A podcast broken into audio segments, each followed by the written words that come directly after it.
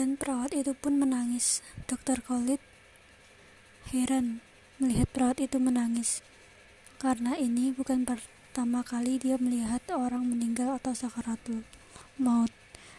Ketika dia agak tenang, dokter pun bertanya, apa yang dibisikkan pemuda itu kepadamu dan kenapa kamu menangis?